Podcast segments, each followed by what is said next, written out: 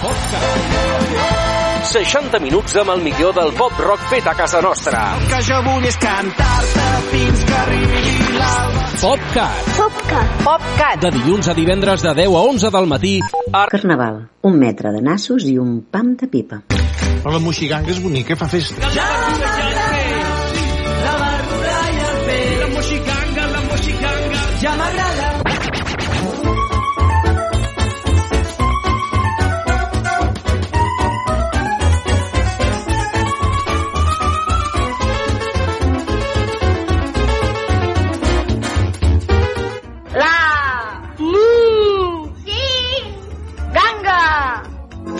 Bona nit, mainada, i bon carnestoltes. Bona nit, Moisès. Comença el Carnestoltes. Doncs sí, amics i amigues, avui és un programa de ràdio, és una festa, és tot barrejat, perquè avui ens ho passarem molt bé a la Moixiganga. Així que si ens estàs escoltant i encara no estàs disfressat, ara és el moment d'anar a buscar la disfressa i escoltar la Moixiganga ben disfressats, eh? Que eh, aquí avui celebrem el Carnestoltes, el Carnaval, ens ho passarem molt bé. I per Carnaval ja ho diuen, eh? Que tot s'hi val, així que vinga, va.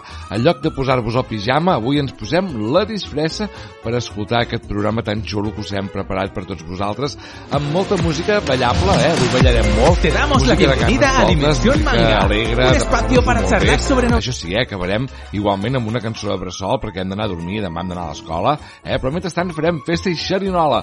Avui us explicarem un conte, el conte que es titula El senyor Carnestoltes i la senyora Quaresma. Mmm, que xulo, eh?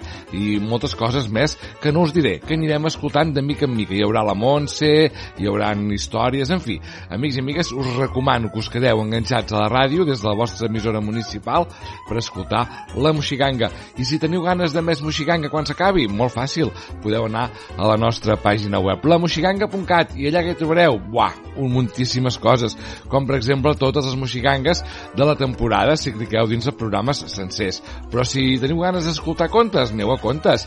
Allà hi trobarem, doncs, el gegant Abioio, l'Arissó Bru, la llegenda de Sant Jordi, la rateta que escombrava l'escaleta, en fi, molts contes, i també hi trobarem contes d'en Xesco Boix, narrats per en Pep Tor, o bé els versos per versos de Roald Dahl. Allà hi trobarem també tots aquests contes tan xulos que ens han fet i que nosaltres us hem eh, adaptat per la ràdio, la Ventafocs, en Jani de Mongetera Màgica, la Blanca Neus i els Set Nans, en fi, un munt de contes que podeu escoltar si aneu a la nostra pàgina web. Ja veieu que teniu per remenar i remenar la nostra pàgina, eh? no s'acaba mai. Però encara hi ha més coses, eh? Per exemple, els capítols de Sir Petit els trobareu allà. El Posem fil a la poesia de la Montse els trobareu a la pàgina web. Contes de microbis i 100 anys de contes del Roger també els trobareu tots a la nostra pàgina web. Ah, i el Pauet, aquest nen que tant tant ve aquí a la ràdio i ens ho destrossa tot, també el trobareu amb el seu Petits Científics a la moxiganga.cat. Així doncs que jo de vosaltres l'aniria a veure, eh? Aquesta pàgina web que és molt i molt xula, hi ha un munt de coses per passar-nos-ho molt bé, tot navegant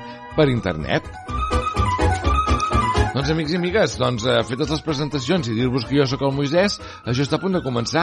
Està a punt de començar el programa infantil, la festa infantil, tot és infantil, però ens ho passarem molt bé avui escoltant la ràdio amb les nostres cançons i ganes de passar-ho molt bé. I ara has posat la disfressa? Doncs vinga, que comencem a ballar. Amics i amigues, sóc el Moisès i comença la Moixiganga. Som-hi! Te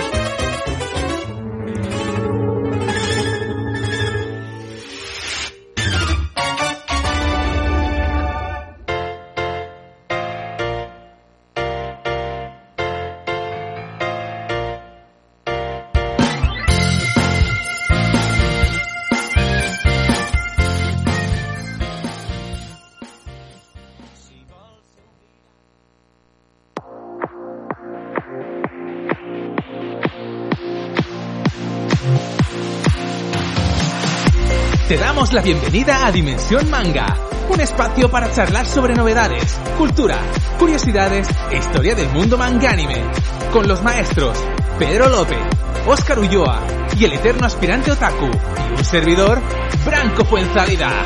¿Has visto algo de otra dimensión?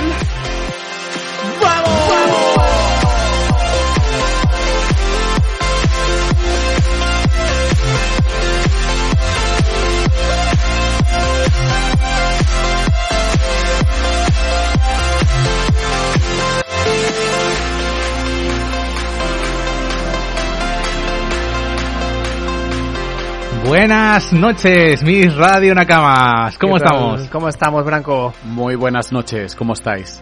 Yo estoy genialísimo, como siempre, esperando toda una semana para este dichoso programa. Sí, casi nos coincide con el 13 de febrero, Día Mundial de la Radio, casi, casi por un día. Casi, pero nos coincide con uno también muy interesante. Sí. San Valentín. Sí, sí. Que por cierto, feliz San Valentín a los dos. Felicidades. Que Gracias, sé que, gracias, que- que Franco. sé que ambos te estáis casados con el manga y el anime. Efectivamente. Por supuesto. efectivamente. Y eso es, eso hay que celebrar ese amor. Así que lo vamos a celebrar con toda nuestra audiencia.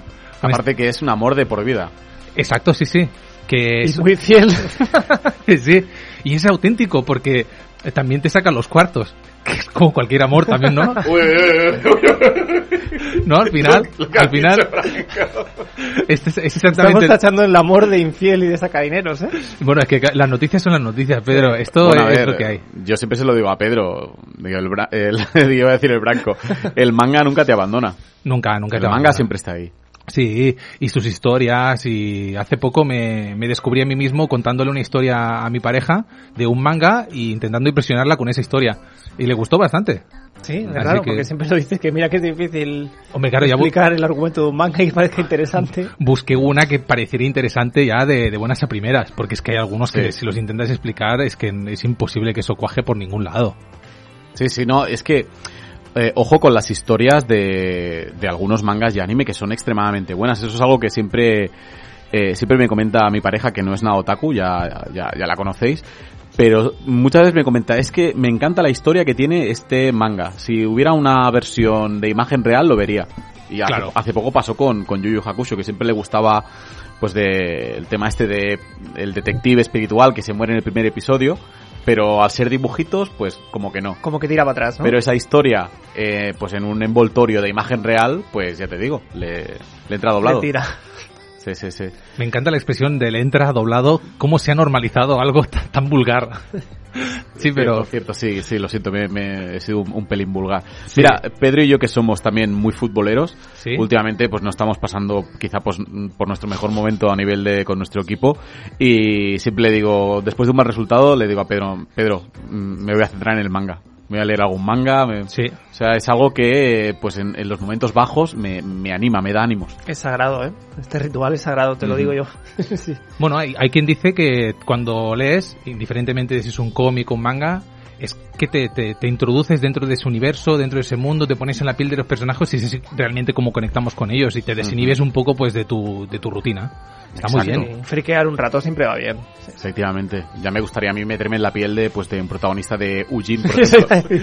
Seguro que no. No en el mundo de titanes. Mira no, que no. eres bestia, mira que eres No, bestia. efectivamente, efectivamente. Eh, como el meme aquel que siempre comentas, ¿no? Se- por fin se ha cumplido mi sueño de entrar en el En un mundo, mundo de de- anime, de- ¿no? del anime y entra en el mundo de titanes o en el mundo de Berserk. Claro.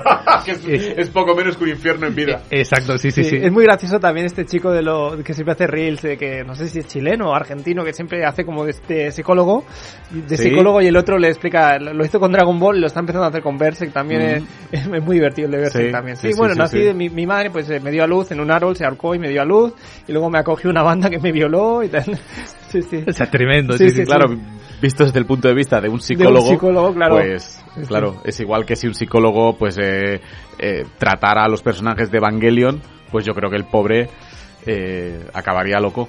Exacto, sí, sí, sí. Sí, sí. Bueno, porque muy hay una serie de traumas ahí. ya ves Hombre, está bien porque además hace interpretación del personaje que está...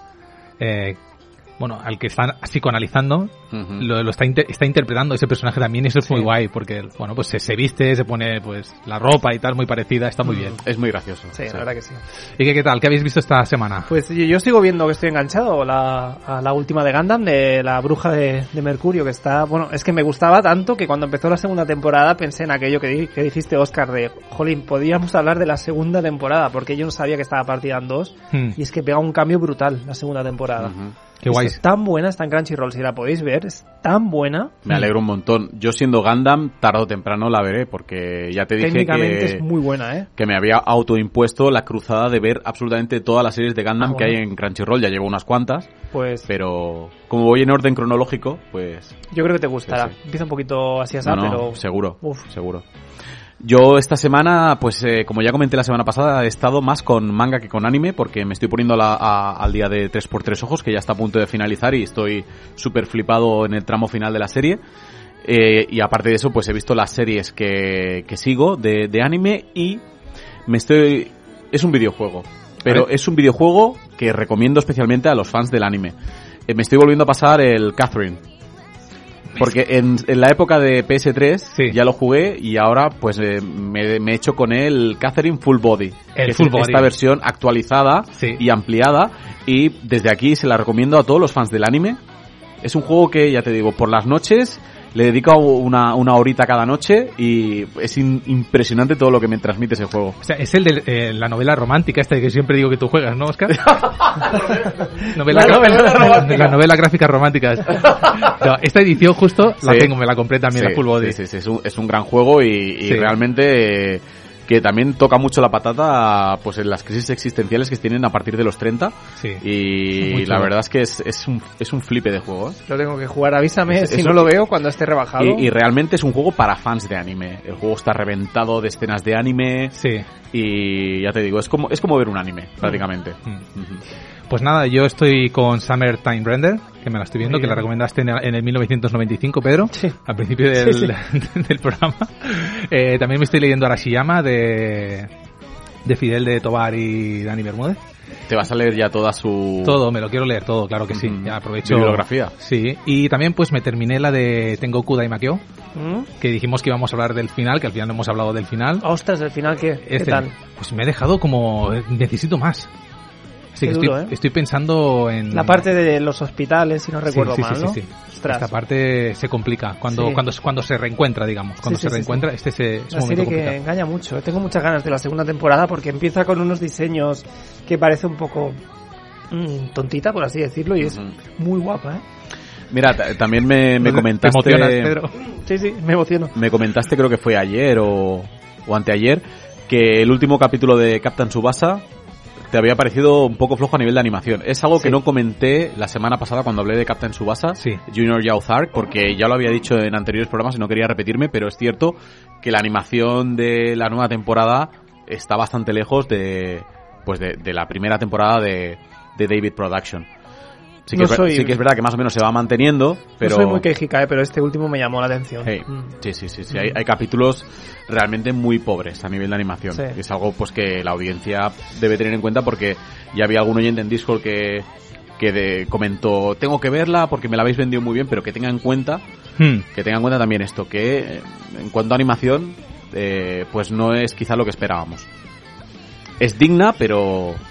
Sí, sí, Pu- Puede pasar, puede pasar, oye, lo que tiene. Sí, y también que estamos muy bien a- muy bien acostumbrados últimamente pues Menos con, da esta- una piedra, ¿eh? con estas animaciones de Studio Mapa o Wit Studio, eh, UFO Table y Es entonces pues claro, chip, te viene te viene un estudio Kai con una animación que quizá hace unos cuantos años no era tan raro ver un anime así. Es lo que había, es lo que había. Pues entre las tareas del hogar, en la sala de espera del médico o dando un paseo por el parque, nuestro programa te acompaña. Únete a nuestro Discord y comparte tus preguntas con nosotros mientras disfrutamos de la emisión del directo. He dicho disfrutamos, ¿eh? Esto que quede De- claro. disfruta, disfruta. Disfruta, voy a disfrutarlo, venga. La manga reseña. Pues hoy volvemos con estas mangas reseñas nuestras y hoy además lo voy a hacer, siempre digo que, traemos cosas especiales, esta además eh, me gusta particularmente porque es un producto de aquí, de España. Eh, estamos hablando de Crazy, eh, Crazy Style Extravagance de Charlie King. Bueno, para empezar os voy a decir que a simple vista os va a parecer un tomo que podríais encontrar en cualquier librería. Es un rústico o rústica como las barras de pan. Aquí lo tenéis con su sobrecubierta, precioso, con un dibujo súper bonito, súper limpio. Vais a encontrar un arte bastante moderno y eh, que respira un rollo muy, muy One Piece. Y esto es algo que, que Charlie King siempre comenta en sus vídeos. Muy chulo. Y bueno, pues es la historia de Ao en un universo, bueno, en un mundo donde cada mil años eh, el equilibrio de las fuerzas que rigen el universo se rompe. y se tiene que elegir un nuevo eh, Mesías que dentro de este dentro de este mundo pues se les llaman extravagantes porque tienen una, una particularidad que es un poder que se llama style y si si digamos si tienes un style pues imagino pues muy poderoso pues acabas convirtiéndote en este mesías y vas a ser el que devuelva el equilibrio a la humanidad. Entonces qué, qué, encontraréis aquí encontraréis pues algo muy parecido a One Piece pues combina com- comedia con una con un con una historia eh, seria se podría decir también con personajes pues como ya he dicho eh, muy curiosos muy extravagantes así igual pues como como One Piece y, bueno eh, a mí me, me ha encantado me ha parecido un shonen al uso eh, pero muy bien hecho hecho con gusto y además eh, que tiene un carácter también muy propio. Es decir, de la misma manera que, que me ha parecido que tiene un aire a Oda en su estilo gráfico y en la forma de narrar y la historia, también se, se le nota un carácter único, que es algo que, que es muy difícil, que se parezca y a la vez que, que, que difiera tanto en, en su forma de, no sabría explicarlo porque tampoco soy un experto en este tema, pero sí que puedo, puedo percibirlo y eso me ha gustado mucho.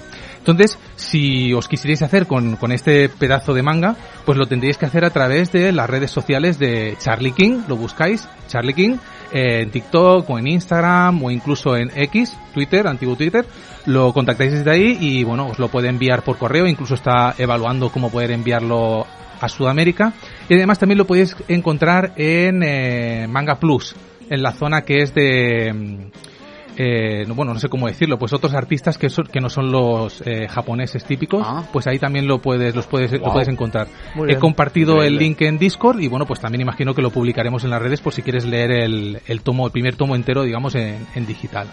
No sé qué os ha parecido vosotros que lo habéis leído también. A mí me ha sorprendido muchísimo la calidad de, del manga, tanto a nivel artístico como también a nivel de, de lo bien editado que está para ser un, un producto autoeditado. Mm, Me ha parecido espectacular. Como tú, has, com- como tú bien has comentado, no, no difiere demasiado de una edición profesional. Sí, es increíble. Sí, sí.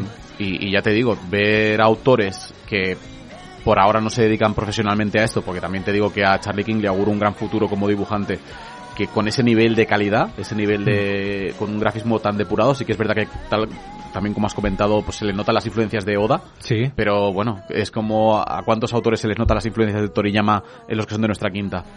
O sea, es Mm. algo completamente comprensible. Sí. Sí, sí, yo también coincido con, con Oscar y con lo que tú has dicho, Branco. O sea, la parcela gráfica increíble. O sea, con un estilo, sí que es cierto, con influencia de Oda, pero muy marcada. Y una edición eh, que supera a, a ediciones comerciales profesionales, la verdad. Es increíble. Sí, o sea, sí, sí, recomendar desde aquí, como tú has dicho, porque es que vale mucho la pena. muy recomendado shonen de batallas al uso pero tremendo Pero bien tremendo. hecho, bien hecho, que no es poco. Totalmente. Y bueno, también comentar que si te interesa, que sepas que puedes eh, escuchar nuestro próximo programa, que a pesar de ser un especial, lo pondremos público durante un mes, en el que entrevistaremos personalmente a Charlie King, por si quieres saber algo más de la historia, incluso si nos quieres acompañar en el programa desde Discord, pues para que le puedas hacer las preguntas que a ti te apetezca. Y aquí en Dimensión Manga nos encanta además conectar con otros fans del manga y el anime. Únete a nuestra comunidad y suscríbete a iVoox. ¿Y a qué año vamos a viajar hoy, Oscar? A 1987. Vamos para allá. Retrotaku.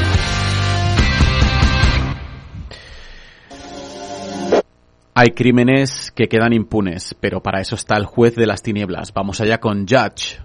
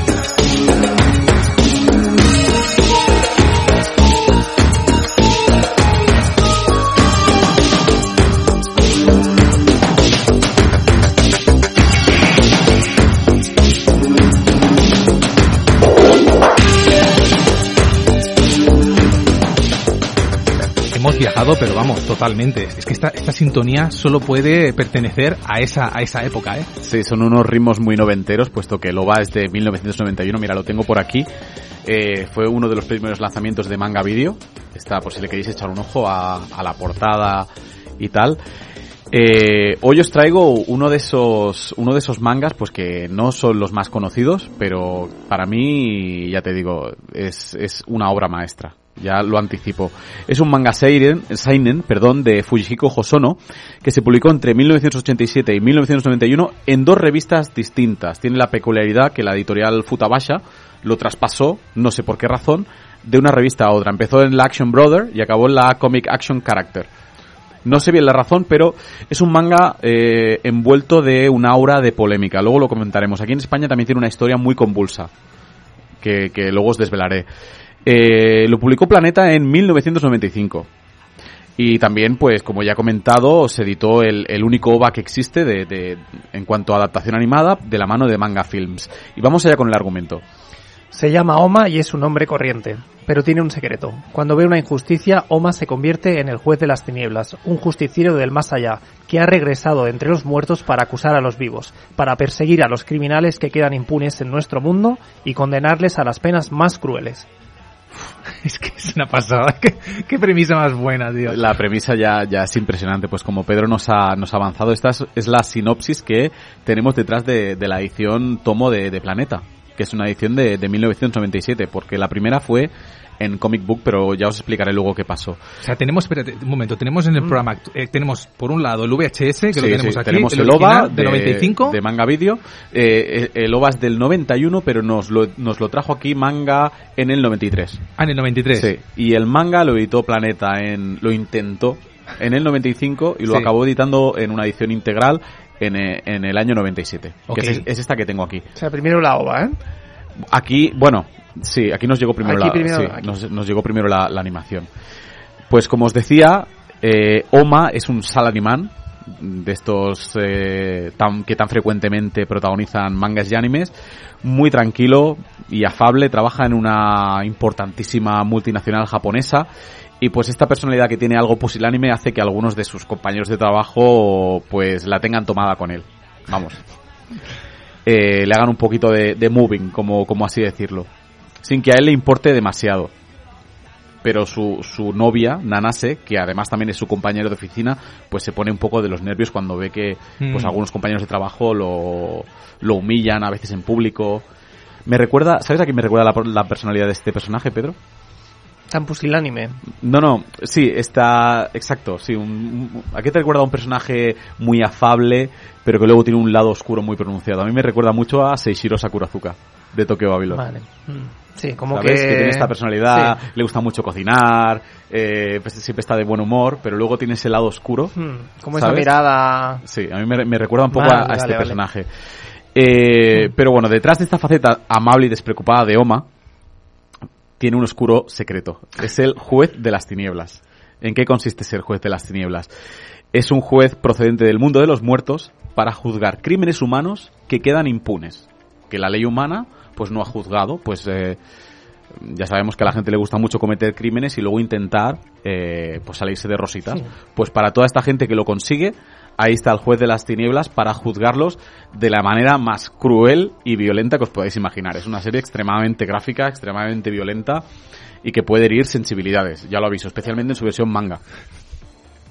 Por ejemplo, eh, no, no os quiero hacer mucho spoiler, pero en, el manga, por ejemplo, son varios casos autoconclusivos y eh, el primero, por ejemplo, es el de un jefecillo enchufado por su jefe que manipula a su novia para cometer desfalcos en la empresa, ¿no? Para, pues, eh, adueñarse de pasta eh, de la empresa.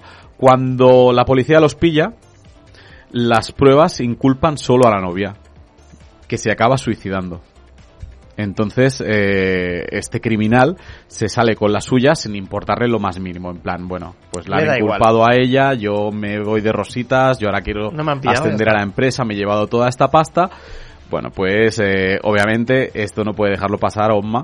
Pero ¿cómo se entera el de los, de los casos? Es un compañero suyo de la Ah, empresa. vale, vale, vale. Es uno de los jefecillos de su empresa. Vale. Entonces, pues, su castigo, según dictamina el libro de Omma, es un libro de con las leyes eh, del inframundo. Que, bueno, son un- quizá son un poco más eh, extremas que las del mundo potente. humano. Hmm. Eh, pues uno de los castigos que le serán aplicados por este, por este terrible crimen será atravesar su lengua con clavos. Ostras, está muy guapo, ¿eh? Sí, sí, sí. Además que, es- por ejemplo, este jefecillo se quería ir a los Estados Unidos eh, para acabar ascendiendo en la empresa y al final, pues, eh, el juez de las tinieblas lo acabará tirando por un barranco envuelto de una bandera americana. En plan, no quería Estados Unidos, pues toma. Ostras, parece como un, un poco un sueño hecho realidad esto, ¿no? Esta forma de... A lo mejor la forma no, podría ser otra, ¿no? Pero siempre estamos poco como asqueados de esta forma que tenemos de juzgar a las personas que nunca acaban siendo juzgadas como creemos que se merecen. Efectivamente, este es un tema que, que siempre ha perturbado mucho a, a Josono, a- al autor. Sí. ¿Por qué no se hace justicia? ¿Por qué eh, este tipo de crímenes quedan impunes? Eh, Hmm. Pues, pues, por ejemplo, esto lo explica en el, en el prólogo de, de Judge. ¿Por qué la gente asesina animales para rituales religiosos y eh, estos animales descansan en paz? Eh, no tienen derecho a una venganza de... de Hmm. ¿Por qué la gente le corta pues los...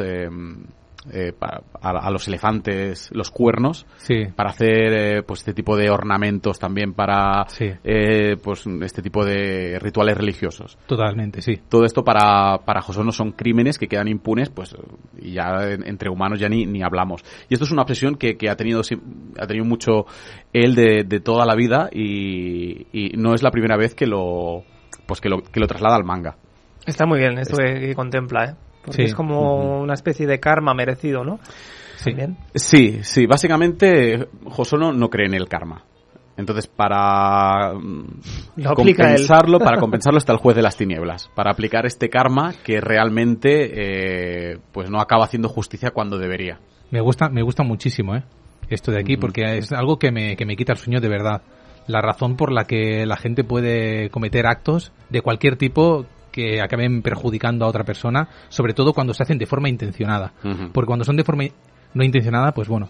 Pero cuando son de forma intencionada, a mí la verdad es que sufro mucho con esas cosas. Y acaban viviendo tranquilos después de ello. No, no estaba justamente estos vídeos del... ¿Ibas a contar eso? Del, del tío este que estaba... No, no, no, no, cuéntalo, cuéntalo. es una persona que pasa por el metro y le va pegando a Ah, las sí. mujeres. Ah, no sé sí, si habéis visto sí, esto, sí, que es un sí, vídeo que ha salido exacto, hace relativamente poco. exacto, sí, sí, bueno, sí. me gustaría ver cómo el, el rey de las tinieblas este lo... Sí, sí, es un caso para el juez de las tinieblas. Eso para el juez. que, que le aplique sus, sus leyes del inframundo. Sí, sí, está claro. Y además eh, tienes mucha razón en, en, en la voluntariedad de, de cometer estos crímenes. Sí. Pues eh, estos criminales que nos presentan en Judge siempre son criminales que nunca se arrepienten de los hechos, es más, se vanaglorian de ellos Hmm. y que pues que, que no se no se cortan en utilizar a las personas como si fueran entonces para este tipo de casos también gente extremadamente astuta hasta el punto de huir de la justicia Hmm. pues para eso está el, el juez de las tinieblas para poner un poco de, de equilibrio el problema que Ah. como como todo todo yin tiene un yang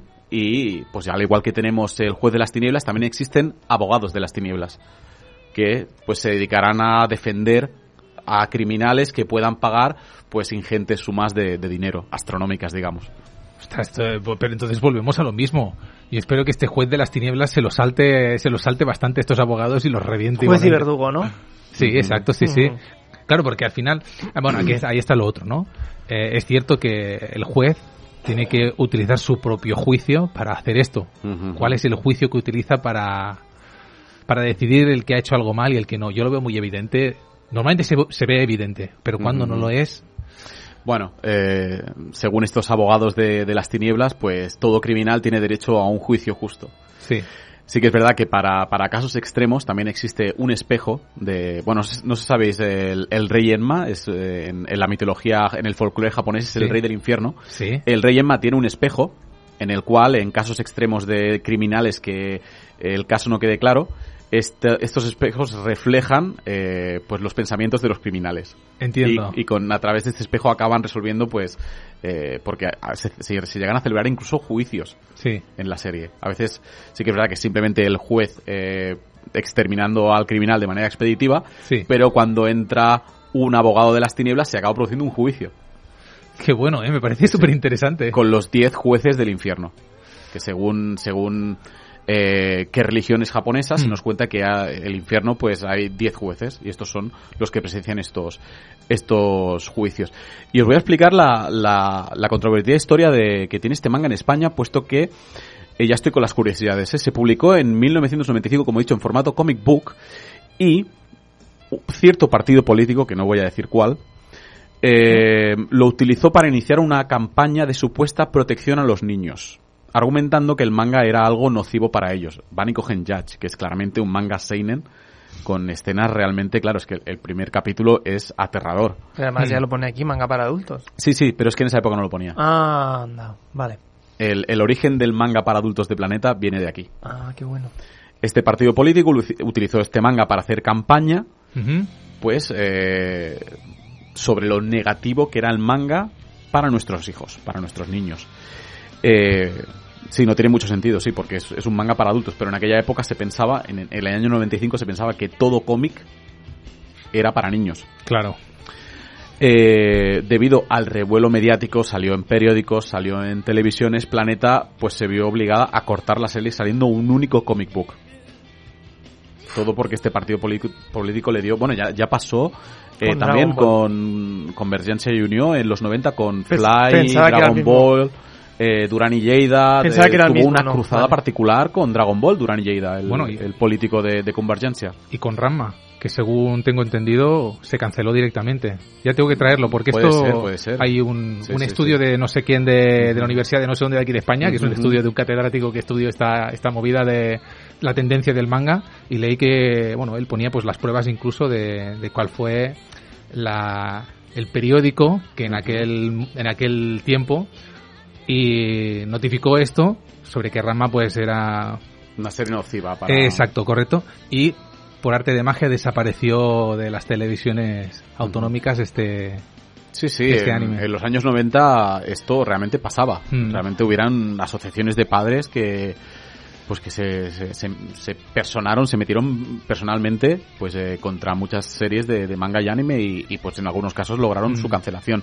En este caso, eh, Planeta se mantuvo en sus 13 y Ana María Meca ah, dijo, no, no, si ahora no nos dejan, cuando de aquí un par de años que se apague un poquito el, el foco mediático, Sí. lo, lo editaremos y efectivamente la, la acabaron editando en, en tomo. Sí que es verdad que son dos tomos, esta edición solo comprendería el primer tomo japonés, pero bueno, vale. para la época ya se puede considerar una... Y a partir de ahí, a partir de ese momento, Planeta, en este tipo de mangas, empezó a poner el rótulo manga para adultos, para cubrirse las espaldas Mm. en este tipo de, de casos. Lo veo bien, ¿eh? Al final esto tiene que anunciarse de alguna manera. Se tiene que estar puesto en algún sitio que es, Mira, un- es que, que es para mm, adultos. No sé cómo vamos de tiempo, Branco, para Bueno. leeros un fragmento de, del prólogo de Ana María Meca. Dale caña. Eh, en, en tela de juicio se llama el, el prólogo, ¿eh? Hablar de una obra como Judge en España nos pone en la habitual circunstancia en el mundo del manga de tener que presentar en nuestro país al autor, Fujiko Hosono, que no necesitaría introducción en su país de origen. Em, la edición de Judge en nuestro país ha sido peculiar y significativa. Cuando en diciembre de 1995 apareció el primer número, en una serie de cuatro, eran cuatro comic books, con el título del Juez de las Tinieblas, se produjo un efecto de retorno significativo. Un medio de comunicación decidió utilizar la edición de este manga para manipular la opinión pública como una baza de cariz político, más allá de la auténtica significación o valor de Judge. Ello causó una reacción negativa que en su momento llevó a decidir interrumpir la edición, apareciendo tan solo el primer número, quedando un episodio interrumpido y bastantes lectores preguntándose qué había pasado. Que me, me parece súper serio, ¿eh? Esto, concretamente. Es Sí, decir, sí. además, serios ellos. Porque este es un comunicado que tenían que dar en algún momento, en aquellos tiempos en los que no podías ir a tu red social de turno y subir esta información para tener a los lectores al tanto. Lo tuvo que hacer dos años después, o sea, se tuvo que, tuvo que aguantar y decirlo dos años después en su propio, en su propio, En el propio manga, ¿no? Sí, sí, sí. Sí. Es una pasada, ¿eh? Mira, y si queréis eh, que Pedro nos lea el, el mensaje del autor, como hemos comentado antes, de que estaba obsesionado con la justicia, Sí. a ver qué os parece el, el pequeño mensaje que nos deja el autor antes de, de empezar la obra. Que, que para mí esto es, perdona, eh, Pedro, esto es una maravilla lo de, yo siempre lo digo, ¿eh? Que escriban cosas los Sí, autores. A mí también me encanta. Y además eso no lo tienes en el manga pirata. Exacto. Me encanta eso. Me alucina. Pues mira, os lo leo. No creo en la existencia de otro mundo después de la muerte, ni en los poderes parapsicológicos, ni en los ovnis, ni en la astrología, ni en las predicciones del futuro, ni en el monstruo del lago Ness, ni en Superman. Lo que sí me fascina de la parapsicología es todo lo relacionado con el mundo de los difuntos, especialmente lo relativo a sus almas. Y no me pierdo ningún programa de la tele que trate sobre el tema. Siempre me estoy planteando interrogantes al respecto. Por ejemplo, ¿por qué siempre se aparecen las almas de famosos samuráis o soldados de la Segunda Guerra Mundial y no se aparecen la de los desgraciados cazadores prehistóricos aplastados por un mamut? o la de los que murieron de hambruna durante la era Heian. Tampoco entiendo cómo se trafica con el marfil de los colmillos de desgraciados elefantes asesinados para fabricar amuletos de la felicidad y objetos religiosos, y qué tipo de validez tienen una simple ceremonia para apaciguar el alma de la pobre bestia que ha dejado la vida para ello. Estas preguntas me acosan sin cesar. En un principio este manga tenía que limitarse a reflejar el justo castigo de crímenes impunes con una importante carga de violencia, qué bueno esto. Pero paulatinamente se fue inclinando hacia el mundo oculto de las almas, las creencias budistas sobre el bien y el mal, quizás como respuesta indirecta a mis eternas preguntas. Esta historia no acaba aquí. Seguiré escribiendo y dibujando sobre el tema en cuanto se presente la ocasión. Agradezco al lector que haya elegido compartir estos intereses conmigo. Qué grande. Sí. Qué grande, qué grandes palabras. Sí, la verdad es que eso que decías tú, ¿no, Oscar? De, de los rituales y todo esto es como que no tienen derecho a, a a una muerte justa, ¿no? A una muerte Exacto, digna, digna. Exacto, ¿no? O, o como comenta él, ¿eh? se utiliza el marfil de, pues para hacer amuletos de la felicidad. Sí. ¿No? Pero nadie tiene en cuenta lo que ha sufrido ese pobre Mm. ser vivo antes. Me encantaría un manga sobre eso, como luego llega pensando que va a ir al cielo y, y- y ve que le condenan por, por, por esto de los colmillos. lle- eh, llevaba un rato comiéndome la olla y suerte que has leído este, este, bueno, este escrito porque no recordaba cómo se decía los cuernos que, que has dicho tú Sí, antes. sí que he dicho colmillos. No, eh, cuernos, has dicho cuernos. he dicho y- cuernos, ¿no? Y yo estaba pensando, pero ¿cómo era? Porque quería decirlo en ese momento y no me Sí. salió colmillos. Estaban Col- ahí los colmillos mm, del, de, del- de- de marfil, ¿no? Exacto, sí, sí, sí, Sí. Muy bien. Oye, pero el, el escrito es súper interesante además. Sí, ¿Cómo, sí, sí, sí, sí. qué, qué- qué bien explicado y con qué profundidad y, y de qué manera parece que entendemos al autor? Porque a mí me da Sí. la sensación que lo conozco un poco más ahora. Mm.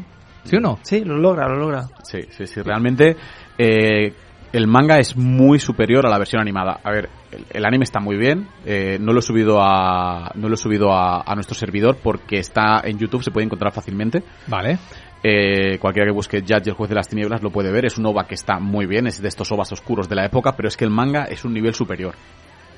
Sí. El manga ya lo digo, si, si alguien puede hacerse con él de segunda mano en un todo colección, que le dé una oportunidad porque es una lectura Hostia. realmente impresionante. De, de- de verdad, cada vez que abres la boca, suben los precios de Wallapop. Y, y ya, pa- ya para acabar, eh, decir que me hace mucha gracia como a los japoneses les fascinan los personajes con un lado oscuro. Hmm. Eh, son personas que en su día a día son afables y educados, pues porque están dentro de la etiqueta japonesa que es ser muy educado Hmm. y ser muy, muy buena persona, pero luego tienen esta, cuando la situación lo requiere, pueden llegar a ser terroríficos, ¿no? Pues como ya he comentado antes con Seishiro, eh, Este lado oculto, les ¿no? fascina mucho esta, ¿no? En tu día a día eres una persona culta, educada eh, y afable, pero Pero- ojo, porque pueden también, pueden tener también su lado oscuro. Me, me- me encanta, a mí también me gusta mucho. Es que aparte tiene todo el sentido del mundo. Una persona que es terrible, de alguna manera, es capaz de ser amable porque conoce cuál es la, cuál es la, la- el invertido de lo que está haciendo de su propio comportamiento. Tiene me un punto de psicópata eso también, ¿no? Aquel psicópata educado que luego... Ah, sí, psicópata educado. Tú de esto sabes, ¿verdad, Pedro? Que tú... Sí, sí, sí, sí. de lo que Porque soy un psicópata. porque quiero eres un psicópata. Es un psicópata del manga. O sea, te- te- se lo lee como si... como Ah, me, me pensaba que lo decías porque A ver. Pedro se parece a un poco al protagonista de, de Psicosis, de la película de Ah, sí, Hitchcock. sí, ¿cómo se llamaba él? Eh, ¿Puede ser? Fí- Fíjate un día, busca una imagen de, del protagonista. Anthony de Perkins, Anthony Perkins. Anthony Perkins. Cuando era joven, Sí. es, un- es una vi- viva imagen de la viva imagen de Pedro. O sea que tenemos, tenemos a Anthony Perkins por un lado y también tenemos al carnicero por el otro. O sea, Terribles los o dos. sea, eh, ¿qué, qué clase de individuo eh, voy, voy a ser yo eh, dentro de unos días? Si es que no soy ya alguno. Aficionados al manga, ¿qué, qué- qué más quieres? Bueno, pues por aquí seguimos con Dimensión Manga, tu espacio semanal de manga y anime en radio y podcast. En antena desde Radio Vila, Vila de Caballes, Barcelona, 90.8 FM. Y Pedro, ¿a qué año vamos a viajar hoy? Pues mira, cogemos el DeLorean y nos vamos a 2003. Hoy hablamos de alquimia, homúnculos y una poderosa lanza. Vamos allá con Busou Rankin.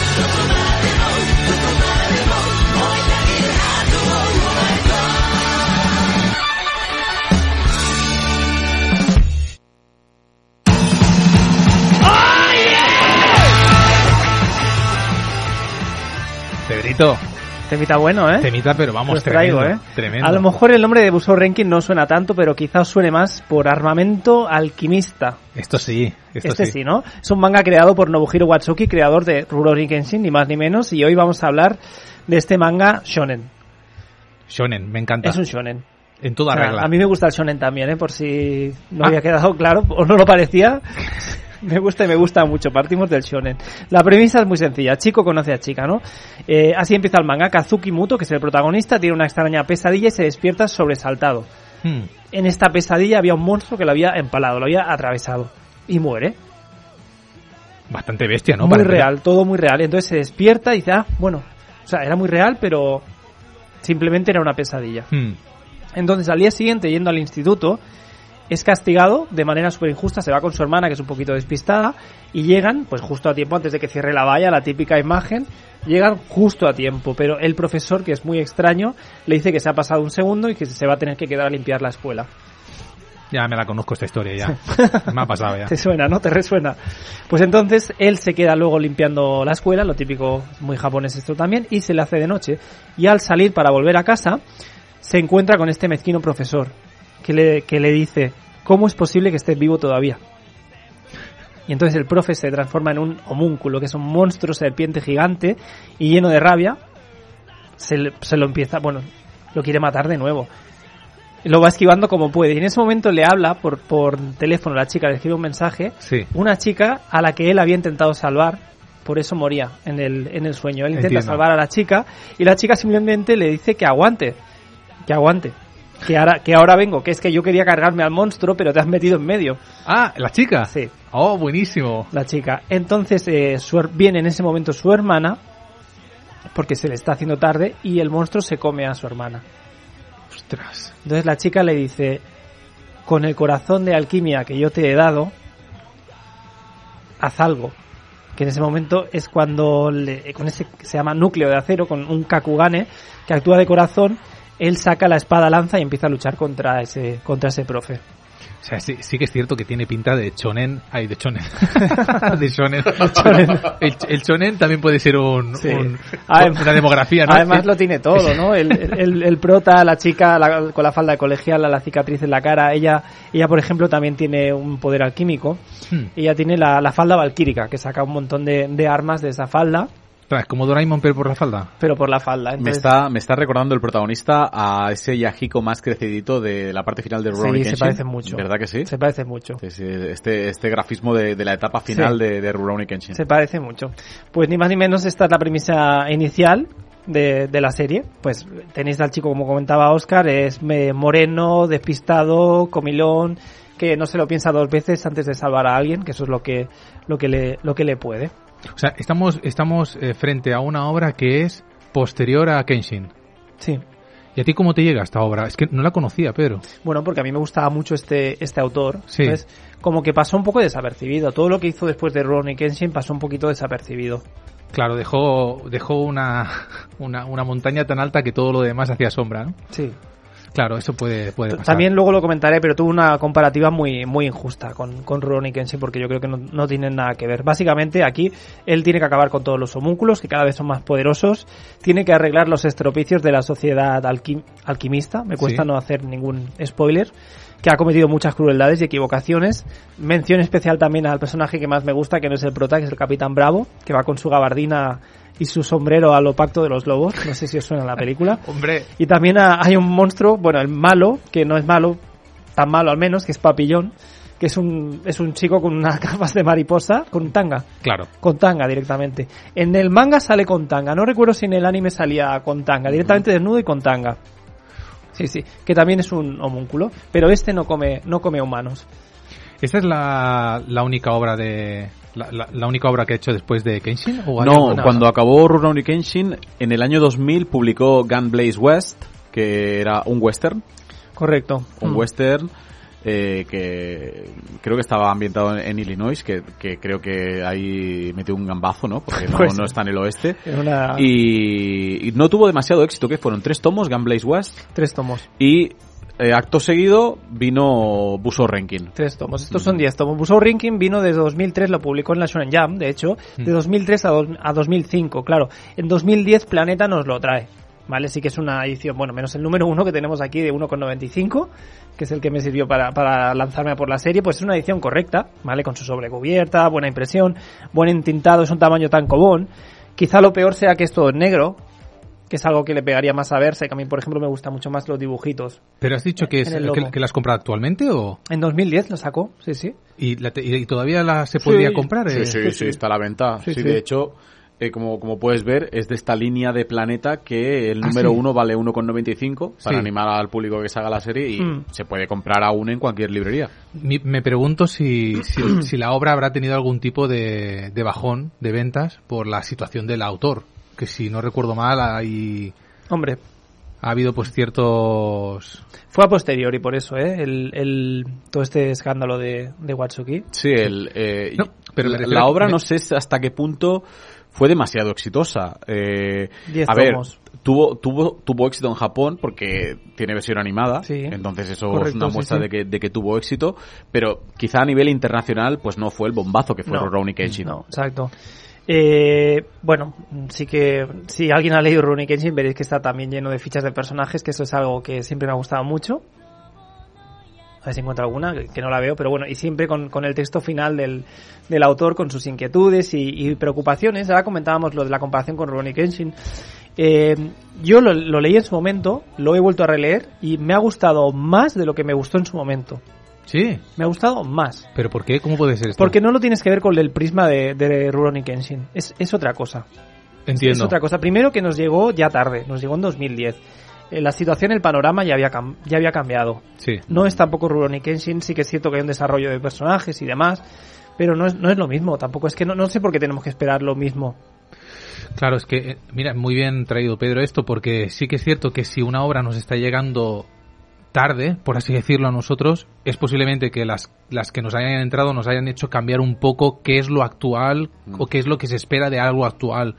Y al traerlo un poco más tarde, pues sí que puede ser, te puede, te puede crear un efecto como de, de antiguo a lo mejor, que no lo asimilas tan bien. Es que claro, como estamos tan acostumbrados, por ejemplo, con las películas, que es que nos llegan al momento, tal cual, de hecho salen de forma prácticamente internacional. Claro, el manga en aquella época no era, no era, no era exactamente igual. Entonces a lo mejor ese... Eh, Yo más que eso, en el caso de Watsuki y Busou Renkin, creo que es el típico caso de un mangaka que su obra de mayor éxito le persigue toda la vida. Quiero decir, no mm, hay muy pocos mangakas que sean como por ejemplo Naoki Urasawa, que cada obra que saquen lo pete hasta el punto de de que no es aquello de que si es que Urasawa toda la vida le perseguirá a Yawara, no, o 20th Century Boys o Monster, no, no son Es autores cierto. que cada obra que sacan eh, tiene éxito y se, se, se, se convierte en una obra de culto. En, en cambio, Nobu- Nobuhiro Watsuki sí que es verdad que nunca consiguió repetir el éxito que tuvo con Rurouni Kenshin. Es más, Hmm. acabó volviendo a Rurouni Kenshin con Hokkaido. Sí. Actualmente se encuentra publicando Rurouni Kenshin, que yo a veces pienso, leyendo Hokkaido, Sí. que realmente eh, pues, eh, estos nuevos personajes que introduce, que sustituyen un poco al, al grupo de Kenshin y sus nakamas, a mí me da la sensación de que Watsuki está utilizando muchas otras ideas que tenía para otros mangas Hmm. y nos, nos la está metiendo un poco con el embudo de Rurouni Kenshin. Hmm. Porque Sí. parece ser que si no nos mete a Kenshin y compañía, los lectores no le hacen demasiado caso. Sí, sí, total. Sí que es verdad que aquí puedes encontrar un dibujo muy evolucionado respecto a, a Rurouni Kenshin. Bueno, es, es el Rurouni Kenshin de la parte final, como decía Oscar. La serie está bien narrada, se lee muy bien, se lee fácil. Eh, tienes la sensación de ya visto, que esto es algo entre comillas, ya visto, pero es fácil cogerle, cogerle cariño. Y si eres fan del autor, mejor aún, por supuesto. He encontrado antes unas palabras finales de las que no recordaba, que dice mucho de, de la sensación que, que tuvo como autor. Y simplemente el primer párrafo. Muchas gracias por haber seguido esta serie hasta el final. Armamento Alquimista ha tenido sus propias figuras, su propia adaptación al drama CD. Puede que este sea el último manga para chicos que hago. ¿Qué Ya, ya lo anunciaba aquí. Luego tuvo una de Frankenstein, en Balming, no sé qué, que era de Frankenstein. Pero ya tenía un poco la sensación de estar agotado el hombre, ¿eh? Vale. Sí. Ujú. Es que también es cierto que esto que has comentado de la sensación de visto anteriormente es muy complicado que un shonen te sorprenda. A mí esto me pasa, ¿no? Mm. Después de 30 años consumiendo infinidad de shonens, llega un punto que dices, es que es complicado que un shonen te ofrezca algo nuevo, ¿no? Claro. Pues, por ejemplo, a- hace poco que estaba viendo esta que recomendaste tú en el programa de Fire Force y me estaba gustando mucho, pero sí que es verdad que llegó un punto de la serie que pensé, no me ofrece nada, Nada nuevo. nuevo. Toda la sensación de un poco visto anteriormente. La parte más interesante era la sociedad esta que había detrás oculta, pero ya empieza otra vez con los poderes, al final acaba siendo lo mismo. También le ocurre a Armamento Alquimista, Y ¿eh? es un poco también lo que nos pasó a los otakus de los 90 cuando salieron series como Naruto, Sí. Bleach, que era un poco ya eh, Ya ya, visto, visto anteriormente. ya visto. Eso claro, lo, lo coge un crío de 9 años Hmm. y flipa porque para él es nuevo. Pero para los que venimos ya de... de pues quizá les pasó lo mismo a los de los 80 cuando Hmm. eh, leyeron las series de los 90, no lo sé. Pero en cambio, te, te digo una cosa, ahora que, que voy a hablar de la versión animada, te lees este y es muy fácil de leer, cosa que por ejemplo no me pasó con Bleach, que lo comentábamos en el anterior programa. Te puedo asegurar que esta, en mi parecer, bastante mejor que Bleach. O sea, será una opinión muy controvertida. Mira, es que el manga de Bleach, lo digo porque yo me lo compraba. Me, Yo también, me- sí, me- sí. me- me llegué a comprar hasta el 15, creo recordar. Y es un manga malísimo. Es que no arrancaba. Es malísimo el manga de Bleach. Es más, te diré que la versión animada no tiene nada que ver con el manga. Creo que la versión animada se salta toda la parte esta inicial que tiene el manga de Bleach que no está tan enfocada en los combates Ya. y va directamente al grano el anime. O sea, tú imagínate, el, yo lo intenté, ¿eh? lo intenté, lo he intentado con todos, con Naruto los veintipico primeros tomos, con Bleach también, y realmente es que el manga de Bleach no hay por dónde cogerlo. Sí. Mira que es una obra que tengo pendiente de leer porque la tengo que leer para poder de- dar mi propia opinión. Sí, claro. Entonces, claro, veremos a ver hasta que hasta dónde llego también. Es que hasta, hasta te diría que el manga de Naruto es muy superior al de Bleach. Porque Naruto realmente Sí. empieza bien. Naruto realmente los primeros 10-15 tomos es un, es un muy buen shonen. El problema de Naruto es que se va desinflando. Llega un punto que yo creo que el autor ya no sabe Yo por no- dónde continuar la historia. Lo que pasa es que no me lo acaba de creer al prota. Y es más, eh, pasa algo extraño con Naruto. Cuando los protagonistas se hacen mayores, la serie se infantiliza más. Era como más madura cuando eran niños. Era más dramática, eran más... Pasaban cosas más interesantes cuando eran niños Curioso esto, ¿eh? que cuando Sí. son adultos, ¿no? Entonces, como es lo que tú dices, no acaba de ser nunca creíble Naruto. Es lo que me pasaba. Pues volvemos a Armamento Alquimista, eh, a la versión animada. El estudio encargado es, es- a Oscar le sonará, es Shebek.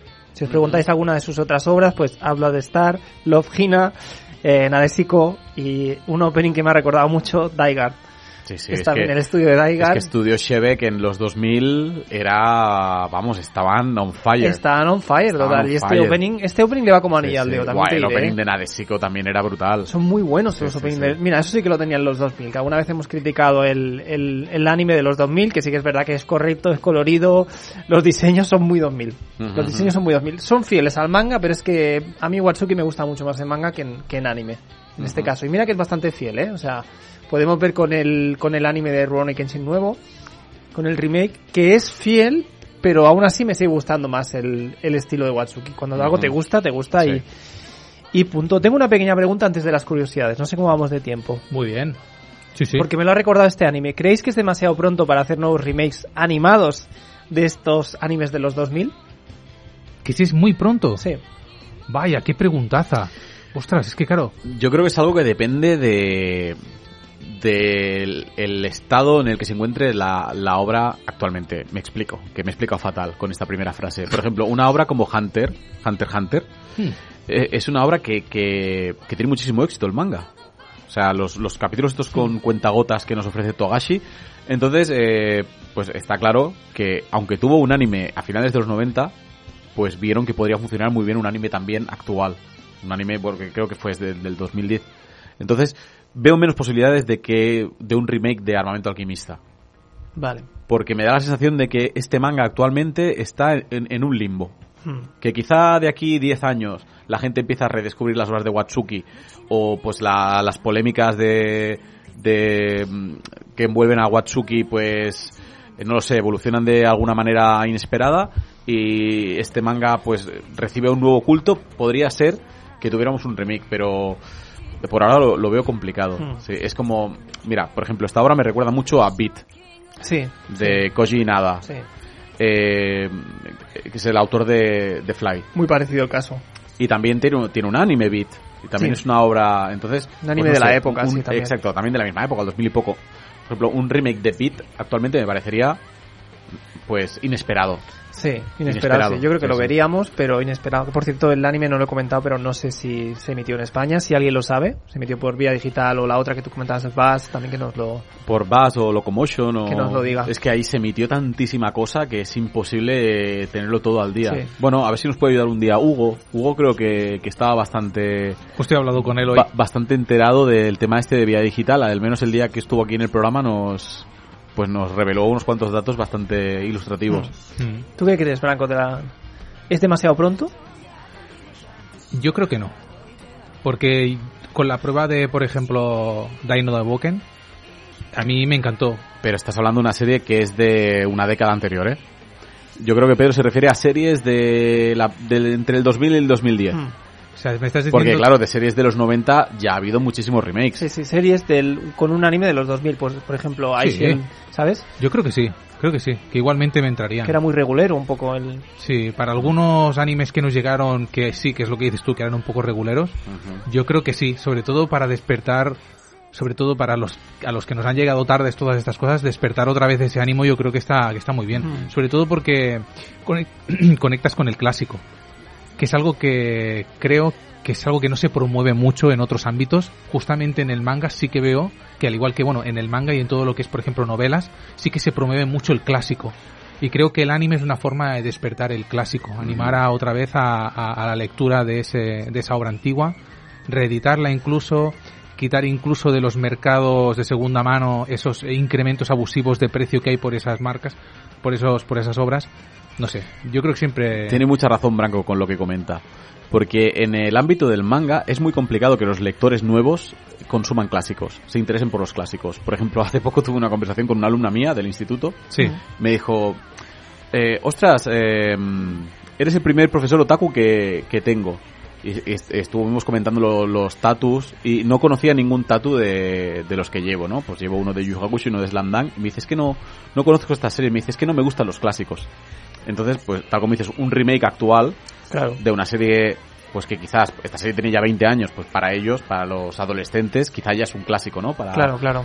eh, Desde su prisma. Entonces, quizá, como Mm. dice Branco, esto serviría para acercar este tipo de animes a las nuevas Claro, este- generaciones. a esta nueva generación. Hombre, puede ser que también, si les sigue gustando el tema, los miren y los lean cuando tengan, cuando sean más mayores, ¿no? Que es lo que nos ha pasado a todos un poco, ¿no? Que hemos recurrido a los clásicos, ¿no? Clásicos me refiero pues a Segekiga, a todo eso que te, te interesa más ahora que en su momento. Es, es por el momento vital también. Está claro que para leerse un Gekiga, pues hay que tener ya pues una cierta experiencia. Sí, Está claro que sí, sí. cuando eres adolescente no acabas de apreciarlo en su totalidad. No, por tu momento vital, no. Pues mira, paso a unas cuantas curiosidades. Decir que, por ejemplo, un ataque que tiene el prota se llama Blaze of Glory. No sé si os suena, una canción de Bon Jovi que se llama Blaze of Glory. Esto lo tiene mucho Watsuki, tal cual es. Sí, sí, una canción con un estilo western, precisamente, que hablábamos de, de este western de... Esto es un poco Hagiwara, ¿no? Kazuchi Sí, sí, sí, sí, que también lo- es muy de... muy de meter nombres de canciones, de, de- de grupos, de heavy metal de los Sí, 80. Sí, es muy, es muy, es muy Haiwara también. Sus, eh, las series preferidas de Watsuki son eh, Blackjack. ¿Ah, sí? Sí, no, sí, Blackjack directamente. Mira. Hombre, Eh, es que es un clásico durante su infancia. Sí, Ah, claro, tiene sentido. Sí, sí, sí. Claro. Yu Hakusho también. Eh, Touch y también alguna que otra de, de Katsura. Son Anda. gustos parecidos a, a los ¿eh? nuestros. A la creadora de, del manga de Full Metal Alchemist le gustó esta serie, cosa que no le sirvió para, para que tuviera mejores ventas. Curioso esto también.